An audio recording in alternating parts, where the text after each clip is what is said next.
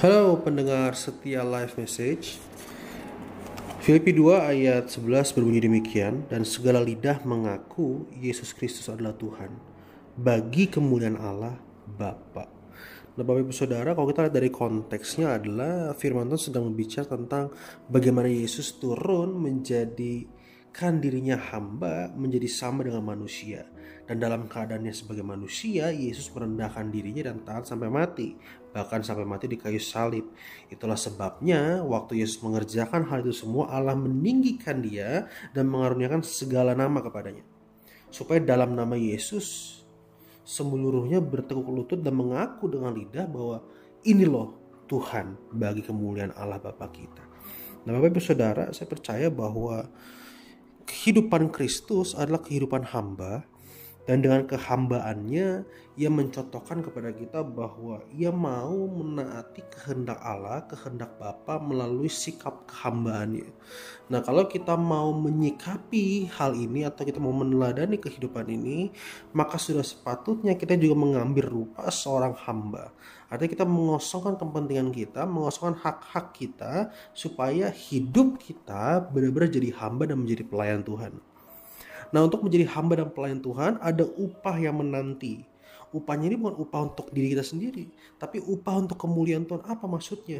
Bahwa dengan sikap kehambaan kita, sikap kehidupan kita, orang lain boleh mengaku bahwa Yesus adalah Tuhan. Orang lain boleh mengenal siapa Yesus itu. Sebab ketika kita hamba, maka Tuhan kita adalah Yesus sendiri. Nah kalau kita menjalani kehidupan hamba, maka kita juga sedang mengenalkan siapa Tuhan kita, siapa yang kita layani. Jadi kehambaan bukan hanya berbicara tentang sikap hidup kita yang rendah hati. Itu betul sekali, tapi lebih dari itu kita sedang membawa pengenalan Tuhan yang adalah hamba itu sendiri. Yang mengambil rupa seorang hamba, kita kenalkan bahwa aku belajar dari seorang pribadi yang namanya Yesus. Nah, Bapak Ibu Saudara, untuk kita bisa membangun kehidupan kehambaan, kita perlu untuk memulai mementingkan orang lain. Sebab tanpa kepentingan atau tanpa mendahulukan kepentingan orang lain, maka sejatinya kehambaan kita akan terhambat. Kalau saudara lihat dari konteks ayat yang sama di pasal yang sama yaitu Filipi 2 sampai 11, kita melihat bahwa hendaklah kamu sehati sepikir kata firman Tuhan dalam satu kasih, satu jiwa, satu tujuan dengan tidak mencari kepentingan sendiri. Nah itu dia. Dengan tidak mencari kepentingan sendiri atau puji-pujian yang sia-sia. Sebaliknya, hendaklah dengan rendah hati yang seorang menganggap yang lain lebih utama daripada dirinya sendiri. Lihat ini, ini firman Tuhan yang sangat baik sekali dan janganlah tiap-tiap orang hanya memperhatikan kepentingannya sendiri tetapi kepentingan orang lain juga. Nah, kalau saudara mau memulai kehidupan kehambaan, mulai berpikir tentang orang lain. Nah, hal-hal yang praktis bagaimana sih contohnya? Saya tuh sering banget ya berpikir walaupun kadang suka kebablasan juga saudara ya. Jadi waktu ngantri makanan misalnya waktu kita berkomunitas, waktu kita berkomsel, maka kita mendahulukan orang lain untuk mengambil makanan terlebih dahulu.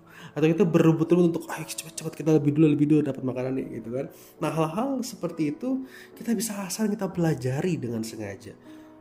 Ya saya juga jatuh bangun karena sering kali tentu kita melihat bahwa makanan enak-enak ya saudara ya. Tapi di sinilah kita belajar mengutamakan orang lain. Ada amin saudara. Nah waktu saudara dapat berkat juga saudara juga perlu me mengutamakan orang lain ingatlah istri saudara suami saudara, anak-anak saudara, supaya juga saudara membangun sebuah kehidupan mengutamakan orang lain. Karena ingat, tujuan dari segala sesuatu yang kita lakukan itu adalah supaya orang-orang kenal siapa Tuhan kita. Mereka bisa mengaku bahwa Yesus Kristus adalah Tuhan. Karena lewat kehambaannya, ketaatannya, keteladanannya, kehidupan pelayanan Yesus, yang kita teladani itu mentransformasi hidup kita dan kita kasih semua itu untuk untuk kepentingan orang lain ya, jadi kita kita sedang membawa nama baik Yesus dan kita berharap orang bisa mengenal Kristus dalam kehidupan kita. So Bapak Ibu Saudara, mari kita mulai untuk mempunyai kehidupan kehambaan, utamakanlah orang lain.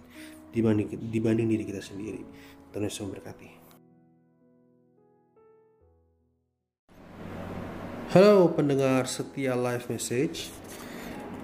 Filipi 2 ayat 11 berbunyi demikian dan segala lidah mengaku Yesus Kristus adalah Tuhan bagi kemuliaan Allah Bapa.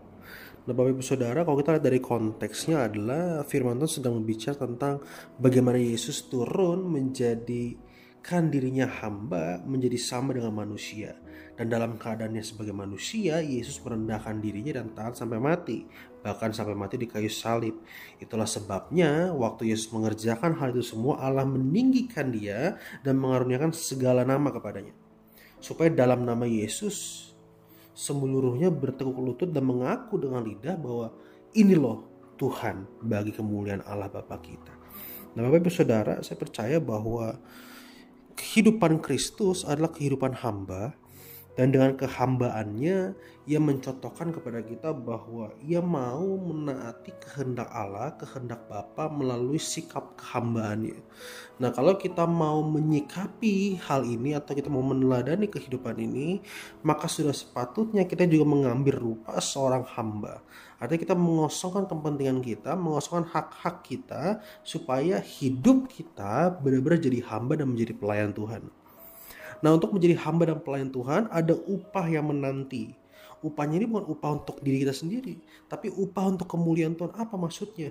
Bahwa dengan sikap kehambaan kita, sikap kehidupan kita, orang lain boleh mengaku bahwa Yesus adalah Tuhan. Orang lain boleh mengenal siapa Yesus itu. Sebab jika kita hamba, maka Tuhan kita adalah Yesus sendiri. Dan kalau kita menjalankan kehidupan hamba, maka kita juga sedang mengenalkan siapa Tuhan kita, siapa yang kita layani. Jadi kehambaan bukan hanya berbicara tentang sikap hidup kita yang rendah hati. Itu betul sekali, tapi lebih dari itu kita sedang membawa pengenalan Tuhan yang adalah hamba itu sendiri. Yang mengambil rupa seorang hamba, kita kenalkan bahwa aku belajar dari seorang pribadi yang namanya Yesus. Nah, Bapak Ibu Saudara, untuk kita bisa membangun kehidupan kehambaan, kita perlu untuk memulai mementingkan orang lain.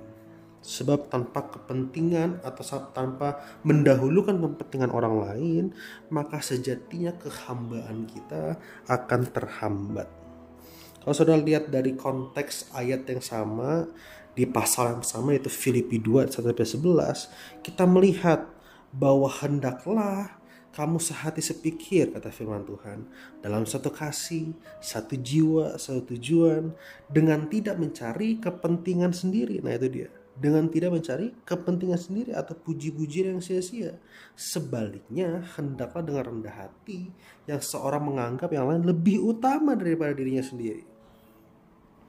Lihat ini, ini firman Tuhan yang sangat baik sekali dan janganlah tiap-tiap orang hanya memperhatikan kepentingannya sendiri tetapi kepentingan orang lain juga. Nah, kalau saudara mau memulai kehidupan kehambaan, mulai berpikir tentang orang lain. Nah, hal-hal yang praktis bagaimana sih contohnya? Saya tuh sering banget ya berpikir walaupun kadang suka kebablasan juga saudara ya.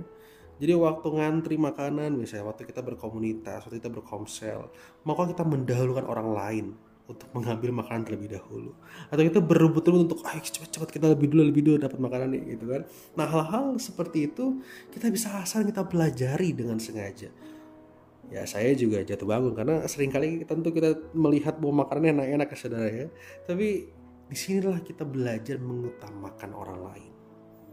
Ada amin saudara. Nah waktu sudah dapat berkat juga saudara juga perlu me mengutamakan orang lain ingatlah istri saudara suami saudara, anak-anak saudara, supaya juga saudara membangun sebuah kehidupan mengutamakan orang lain. Karena ingat, tujuan dari segala sesuatu yang kita lakukan itu adalah supaya orang-orang kenal siapa Tuhan kita. Mereka bisa mengaku bahwa Yesus Kristus adalah Tuhan. Karena lewat kehambaannya, ketaatannya, keteladanannya, kehidupan pelayanan Yesus, yang kita teladani itu mentransformasi hidup kita dan kita kasih semua itu untuk untuk kepentingan orang lain ya, jadi kita kita sedang membawa nama baik Yesus dan kita berharap orang bisa mengenal Kristus dalam kehidupan kita. So Bapak Ibu Saudara, mari kita mulai untuk mempunyai kehidupan kehambaan, utamakanlah orang lain dibanding dibanding diri kita sendiri. Tuhan Yesus memberkati.